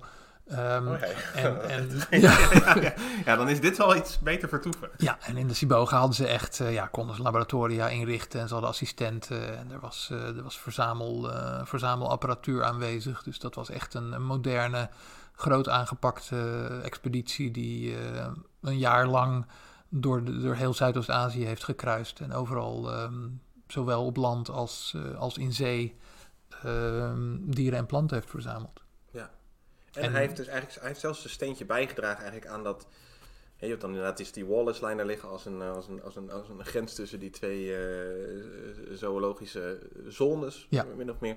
En, en de- inmiddels heb je ook een Weber-lijn. Ja, ja, ja, dus er zijn. ehm, hij ontdekte dat inderdaad tussen, tussen Bali en Lombok is de, is de grens heel scherp. Maar ga je naar het noorden toe, dan zie je dat die, dat die wat minder scherp wordt. En de, de Molukken is eigenlijk dat is een, een gebied waarin de, waarin de, de overgang veel meer geleidelijk is. Mhm. Tussen dat, die, eh, het, heeft natuurlijk een, het heeft natuurlijk een geologische oorsprong. Dat, dat wisten ze toen nog niet. Want het is eigenlijk pas in de jaren zestig is die continentale drift ontde- ontdekt. Dat, er, Oh, dat ja, je die, die, die, zeker. die schollen hebt van de, van de aardkorst die bewegen. En die er dus in dat gebied voor heeft gezorgd dat er gewoon een school met, met, een, met een Australische flora en fauna tegen een school met Aziatische flora en fauna, is aangebotst. En daardoor is die grens zo scherp op de plek waar die botsing heeft plaatsgevonden. Ehm, maar hij ontdekte dat je, ja, als je wat verder naar het noorden gaat, dan is er kennelijk meer tijd geweest voor die twee fauna's om met elkaar te vermengen. Ja. Dus dan de Sulawesi, eh, Ja. dat Molukken. dingen. Ja. En ehm, Weber heeft dus aangetoond dat je als je al eh, allerlei diergroepen gaat analyseren, dan vind je in dat gebied dat er voor elke diergroep kun je de grens op een andere plek liggen. En het is ook bijna nooit een scherpe grens zoals je tussen Bali en Lombok vindt. Het is meer een geleidelijke overgang. Eh, en de lijn van Weber is dus eigenlijk geen lijn. Het is een de, de plek waar, waar de balans precies 50-50 is. Waar je 50-50 eh, verdeling hebt van Aziatische en Australische elementen. En schuif je iets meer naar het westen toe, dan wordt het wat meer Aziatisch. Schuif je wat meer naar het oosten toe, wordt het wat meer Australisch. Ja. En eigenlijk het materiaal eh, wat er wordt verzameld natuurlijk op die expeditie, dat komt dan natuurlijk in, in Amsterdam terecht en een heel groot deel ook in huis uh, te Eerbeek Ja. in de- op de Veluwe. Ja, ja. En hoe, ehm, ja, hoe balt dat eigenlijk samen tot, een, tot, tot toch een, een, een- collectie die dan, die dan uiteindelijk eh, veel later pas natuurlijk naar, naar, naar Leiden toe verhuist? Hoe, hoe, hoe, hoe gaat dat in zijn werk? Wat, wat, wat gebeurt eigenlijk in, in Amsterdam rond Artis?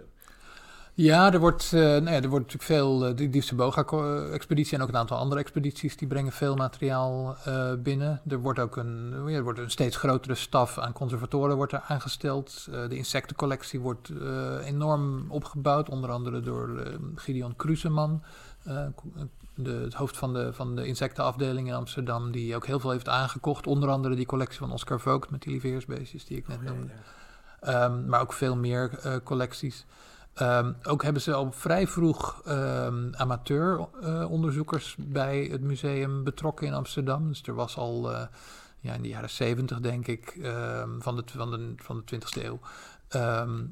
was het gewoonte dat amateuronderdzoekers in het weekend de collectie konden bezoeken en, en hun, hun eigen vondsten konden vergelijken. En die hebben dan ook vaak als dank op een gegeven moment hun collectie gelegeerd aan, de, ja. uh, aan het museum, waardoor die ook snel groeide.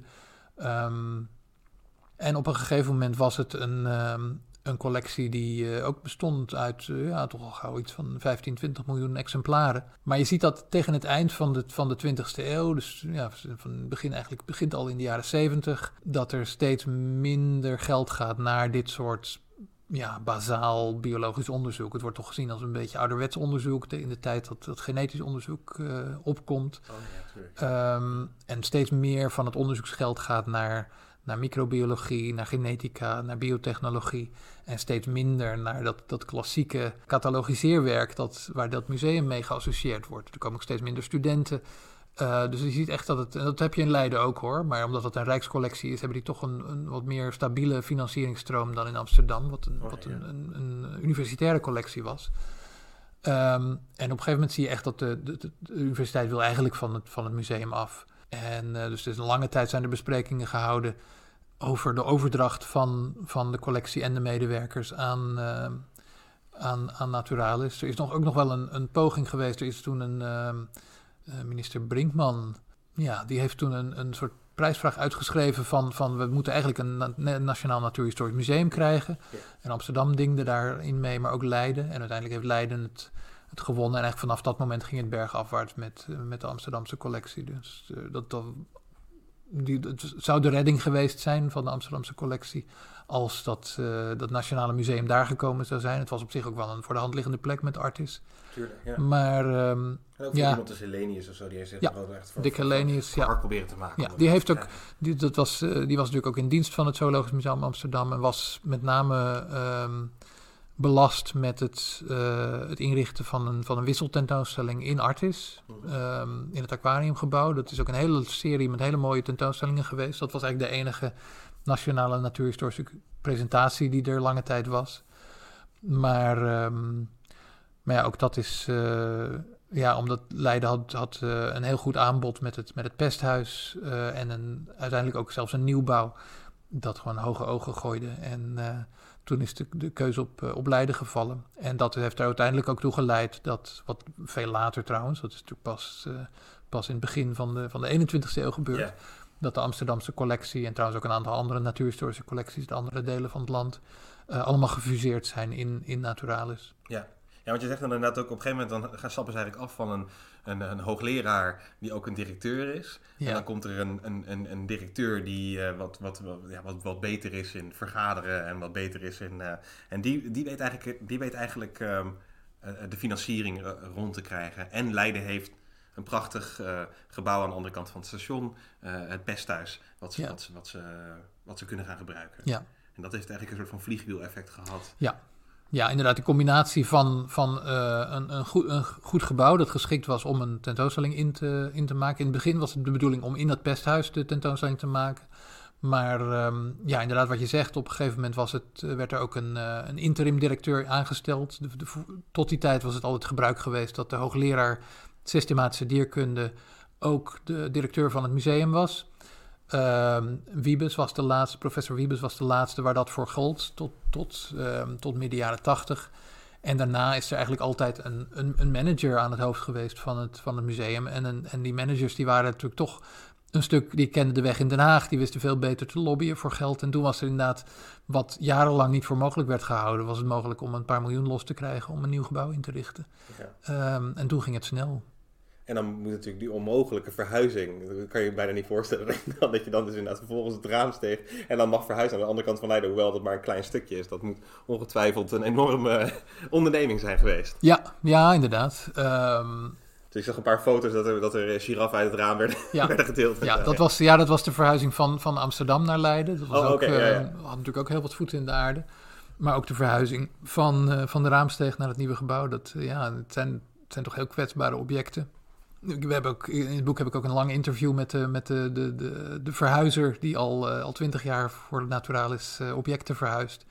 Met, met prachtige verhalen over hoe allerlei, allerlei eh, tailor-made oplossingen die je moest bedenken om, om ja, inderdaad een giraf over de snelweg te vervoeren. Of, een, Ja. ja, of, of, of hele kwetsbare insecten van een, van een privéverzamelaar naar Naturalis. Dat zijn allerlei. Ja, hij heeft eigenlijk alles al, de hele collectie heeft hij al een keer in zijn handen gehad. En hij weet precies hoe je dit, dat die dingen schadevrij eh, kunt verhuizen. Dat is toch een, het is toch een vak op zich, die, die kwetsbare en, eh, en ook vraatgevoelige eh, collectiestukken. Want ja, het is allemaal eetbaar in feite. Ja.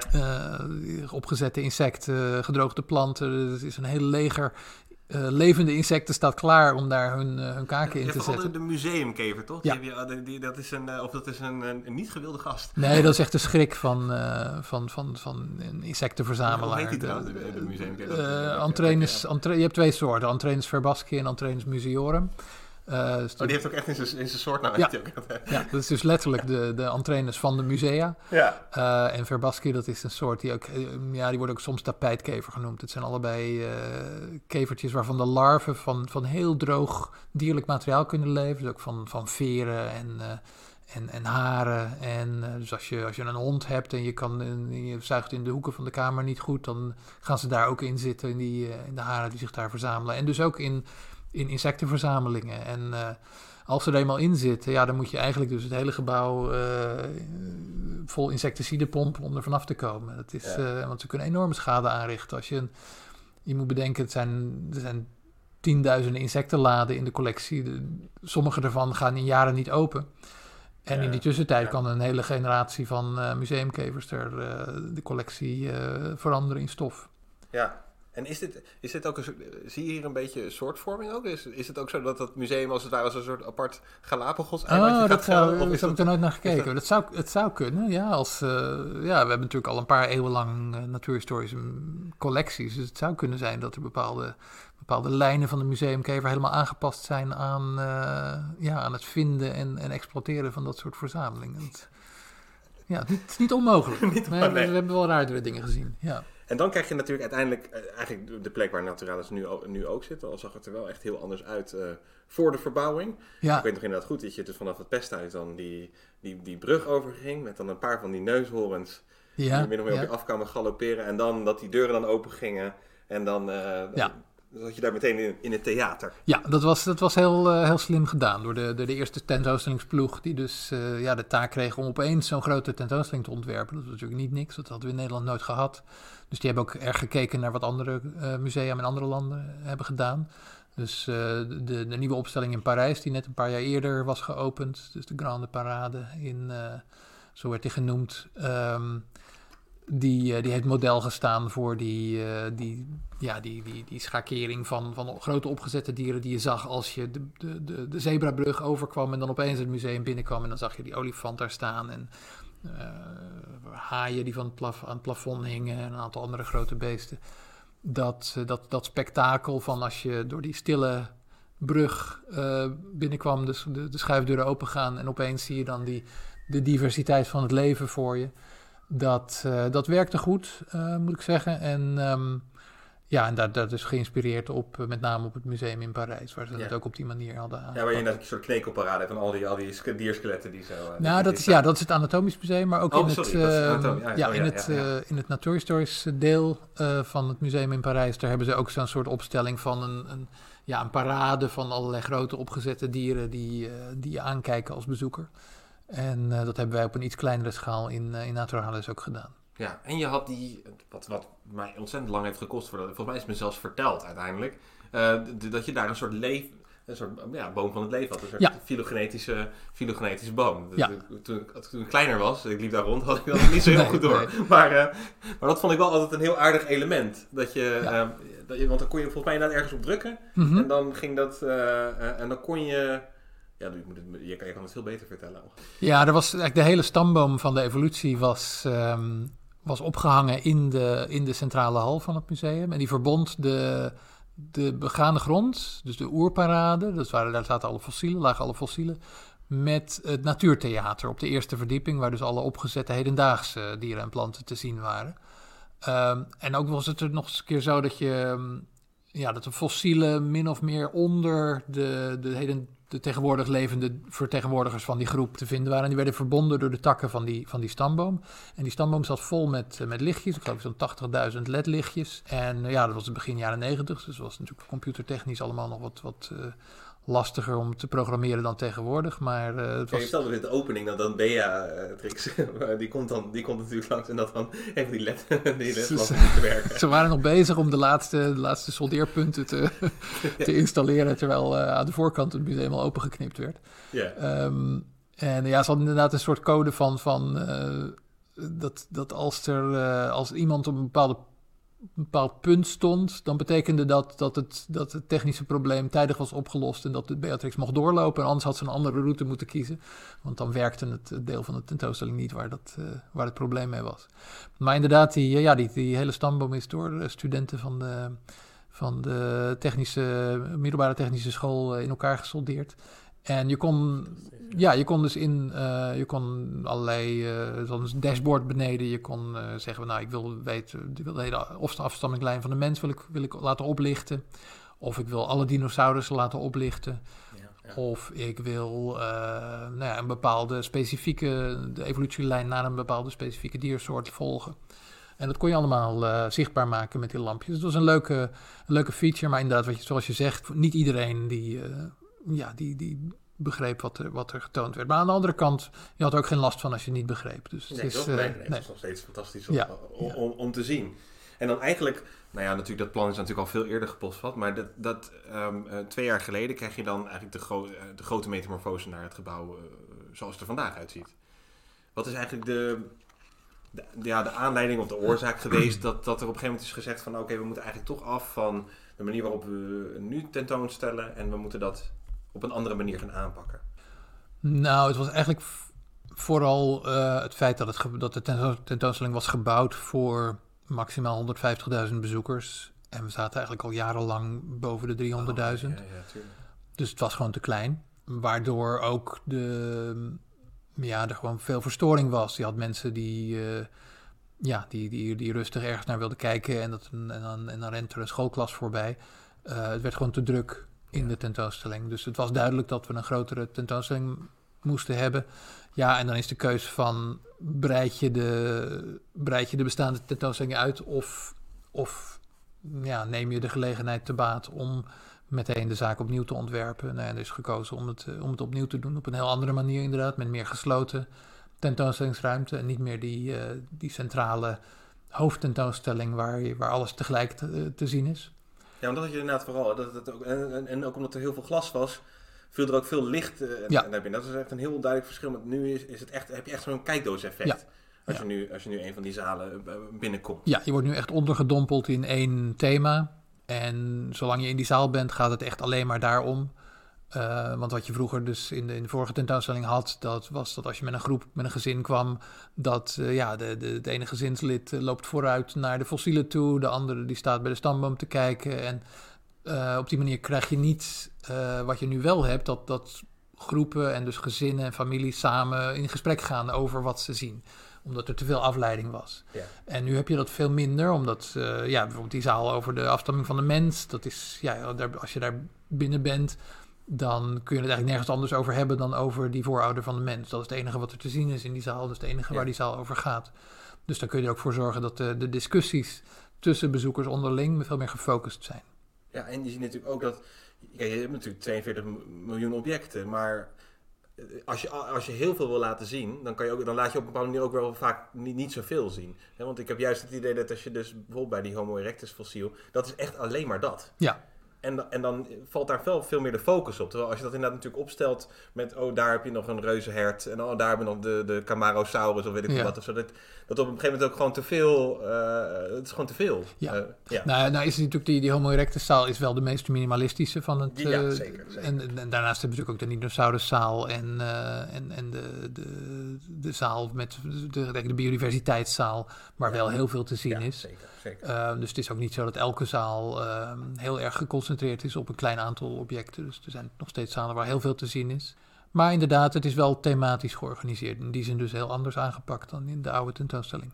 Ja, ja. En ik vind het heel leuk, want jij hebt zelf een, een, een, eh, je, je, eh, of input geleverd voor een deel, eh, eh, eh, of een, een zaal waarin het vooral gaat over de seksualiteit Ja. in, in, in het dierenrijk en in, in het plantenrijk. Ja. En, en eh, en, eh, ja, heel aardig is toch wel dat je dus daar die uitvergrote... eh, Die, die kever, keverpiemels, ja, ja, ja.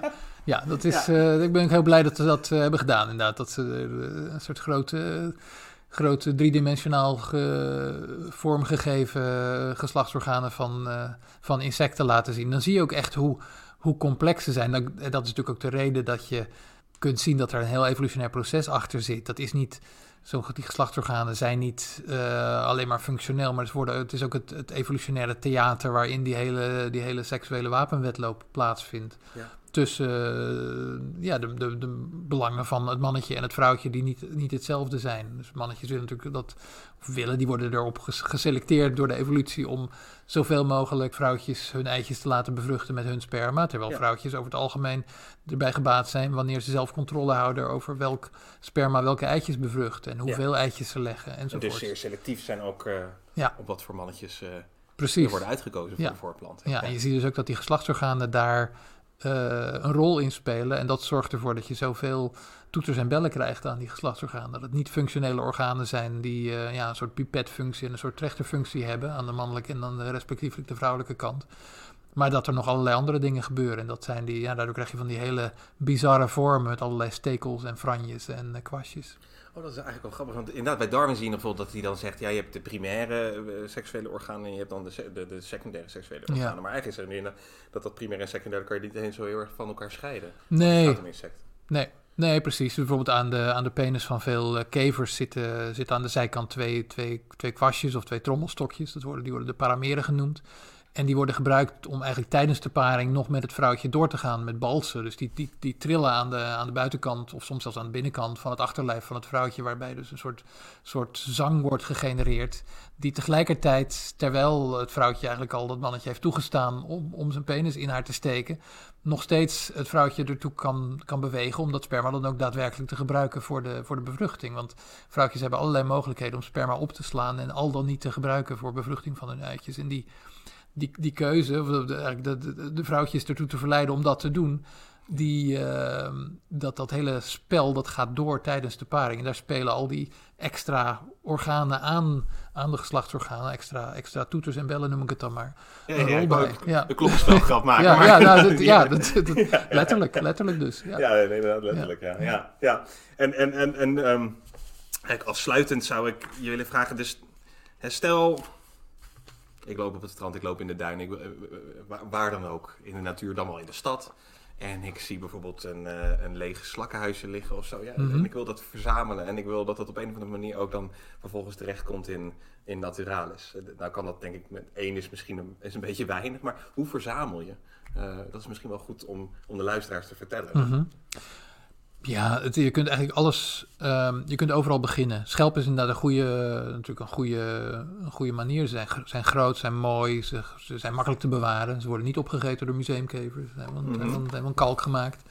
Ehm, je hoeft er geen beest voor dood te maken, want vaak liggen die schelpen gewoon eh, nadat de dier er dood gegaan. En ehm, wat je, dus stel je gaat schelpen verzamelen, ehm, zoals ik net al zei, het, een etiket is heel belangrijk.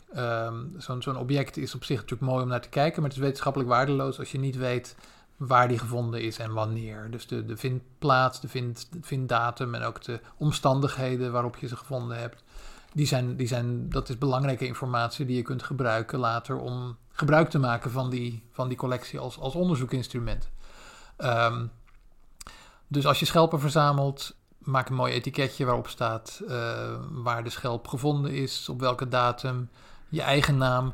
En, uh, en liefst ook, uh, nou, bijvoorbeeld of die aan de vloedlijn lag of hoger op het strand. Of als je denkt dat het een, een, schelp is die misschien door een mail is, dat het, het, beest is opgegeten door een mail en dat schelp is achtergebleven, dan kun je dat er ook bij zetten. Ja. Het is allemaal informatie die, die nuttig kan zijn. dus goed gedocumenteerd. En um, ja, en gewoon, gewoon blijven verzamelen. en, andere mensen zien te vinden die het ook leuk vinden. Dat is vaak ook een hele stimulerende manier. Er zijn allerlei clubs in Nederland van amateurbiologen, amateurverzamelaars. Ja. Die, uh, dus voor de, voor de schelpen bijvoorbeeld heb je de Nederlandse Malacologische Vereniging. Voor de insecten heb je de Nederlandse Entomologische Vereniging. Voor planten heb je de Nederlandse Botanische Vereniging. Het zijn altijd clubs van mensen die zich ook bezighouden met verzamelen. En het is, uh, het is een hele een hele dankbare manier om, uh, om je echt te verdiepen in een stukje van de natuur en ook echt expert in te worden. Het is uh, de, veel amateurbiologen in Nederland en ook in andere landen zijn de wereldexpert voor een bepaald type beest of plant. Um, ja, want het amateur klinkt natuurlijk inderdaad tegenwoordig ja. misschien heel erg de connotatie van amateuristisch. Al was onze Charles Darwin ook gewoon amateurbioloog, ja. wordt, wel eens, ja. wordt wel eens vergeten. Um, maar dat zijn eigenlijk inderdaad uh, vaak mensen met een enorme hoeveelheid kennis ja. in huis. Ja hoor, en uh, de, de, biodiversiteit is zo breed dat je die, die kennis niet, dat die niet kan, kan worden afgedekt door uitsluitend professionele biologen. Er is voor de, voor de amateurs is er nog voldoende van die biodiversiteit beschikbaar. En zoals ik zei, er zijn, er zijn heel wat amateur onderzoekers die als ze er jaren mee bezig zijn, zoveel weten dat ze de, de enige ter wereld zijn die bijvoorbeeld nou ja, alle, ehm, alle, alle springspinnen van de wereld kennen. Bijvoorbeeld, uh, ik noem ook een, um, een, verzamelaar die ik interview in mijn boek, is Christa Deleman. Uh, een, um, een dame die uh, in de buurt van Bergen op Zoom woont en al haar hele leven zich, zich toelegt op, op de springspinnen van Zuidoost-Azië. Daar tegenwoordig al lang niet meer komt, maar nog steeds spinnen krijgt, krijgt toegestuurd door verzamelaars om te determineren en daarover publiceert. En eigenlijk de, degene, de vraagbaak is voor de hele wereld die iets wil weten over de springspinnen van Zuidoost-Azië. Ja, en je draagt ook zelf eh, een steentje bij om uh, amateurwetenschappers of uh, amateurwetenschappers in de dop ja, de, wat, wat kneepjes van het vak te leren. Want daar heb je een aantal jaar geleden heb jij daar de, de, de, de de uh, organisatie Texan Expeditions voor opgericht. Ja, dat klopt. Ja, ja, ja ik heb uh, een, um, een organisatie opgericht die, die niet-biologen, dus en, en heb ik het ook niet echt over, niet over die amateurbiologen, maar echt mensen die wel van natuur houden en wetenschap interessant vinden, maar er nog geen ervaring in hebben. En geen specialist zijn. Geen specialist zijn op uh, springspinnen uit Zuidoost-Azië. ja. um, maar die wel eens een keertje mee willen met een echte wetenschappelijke ja. expeditie. Dus we organiseren echte wetenschappelijke expedities. Het is geen gimmick, we doen echt onderzoek, we publiceren het ook. We, we nemen een veldlaboratorium mee met, met echte internationale experts. Die samen met die, met die gewone mensen, zal ik dan maar zeggen, uh, ontdekkingen doen. Want uh, nou, zoals ik aan het begin al zei, je kan overal uh, nieuwe soorten ontdekken. Dus dat is ook een beetje het, het, het doel van, van dat soort expedities. Dus we gaan naar de tropen toe, maar ook gewoon in Nederland kun je ook nieuwe diersoorten ontdekken. Ja, dus ja. In het Vondelpark hebben we... Daar mocht ik zelf aan meedoen, dat was ontzettend, ontzettend leuk. Ja, ja. Twee nieuwe insectensoorten ontdekt. Um, en elke keer is het doel inderdaad om een soort, soort veldcursus te geven en tegelijkertijd ook onderzoek te doen samen met met niet-biologen.